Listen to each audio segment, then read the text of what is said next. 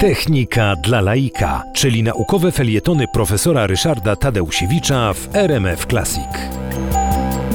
Wszyscy słyszeliśmy przynajmniej o Ignacym Domejce, a właściwie o y, Domejce i Dowejce, bo y, tak y, przyjaciel Ignacego Domejki, Adam Mickiewicz, panu Tadeuszu opisał no, pewien tam pewien fragment, pewną anegdotę. Wobec tego nazwisko Domejko pojawia się w twórczości Mickiewicza, który był jego przyjacielem. Ale co może bardziej istotne, Mickiewicz pisząc Dziady użył tam pseudonimu Żegota. Żegota to był właśnie Ignacy Domejko, takie było jego powstańcze nazwisko. Skoro wspomniałem o powstaniu, no to wiadomo, że Domejko walczył w powstaniu, był nawet e, adiutantem generała Dezyderego Chłapowskiego, no ale oczywiście po upadku e, powstania, powstania listopadowego e, musiał uciekać z kraju, no i wobec tego wyjechał do Paryża. Podjął studia najpierw na Sorbonie, a potem na École des Mines, takiej szkole inżynieryjnej.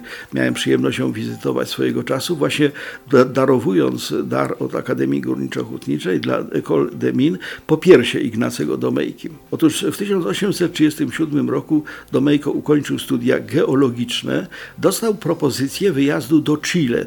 W Chile Domejce zaproponowano posadę czy funkcję takiego nestora geologii na Uniwersytecie w La Serena. Domejko zajmował się tam no przede wszystkim oczywiście nauczaniem studentów, badaniami naukowymi, ale przede wszystkim gromadził ogromne ilości próbek minerałów. Zwozili mu je górnicy, to znaczy dokładniej mówiąc właściciele kopalń, a on na tej podstawie, również robiąc własne wyprawy w Andy, zbierał informacje o budowie geologicznej właśnie tego regionu. I dzięki tym jego studiom odkryto bardzo wiele złóż surowców mineralnych.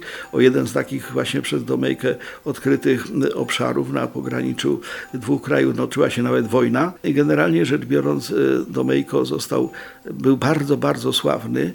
Ja muszę powiedzieć, że sam to doświadczyłem, jak byłem w Chile i gdzieś się powiedziało Polakko, to wszyscy mówili, aha, Domajko, czyli wobec tego bardzo, bardzo znany jest tam. Trzeba powiedzieć, że miał kontakty z Krakowem również, bo był zagranicznym członkiem Polskiej Akademii Umiejętności, właściwie Akademii Umiejętności, bo to wtedy jeszcze były zabory, więc ta instytucja nazywała się Akademia Umiejętności. Przysyłał tu swoje próbki geologiczne, przysyłał tu swoje e, prace. E, potem e, chciał wracać do Europy, ale rząd chilijski posadowił go na stanowisku rektora Uniwersytetu w Santiago, Santiago de Chile, stolicy tego kraju.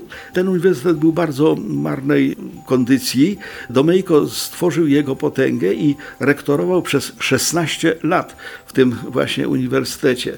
No więc jak mówię, ponieważ jest to wielki bohater Polski i Chile, wobec tego Akademia Górniczo-Hutnicza uczciła jego pamięć w ten sposób, że jedna z sal wykładowych nosi imię Domejki, tam posadowiony jest popiersie tego Domejki, no i takie samo popiersie ja osobiście jako rektor AGH zawiozłem do Mines.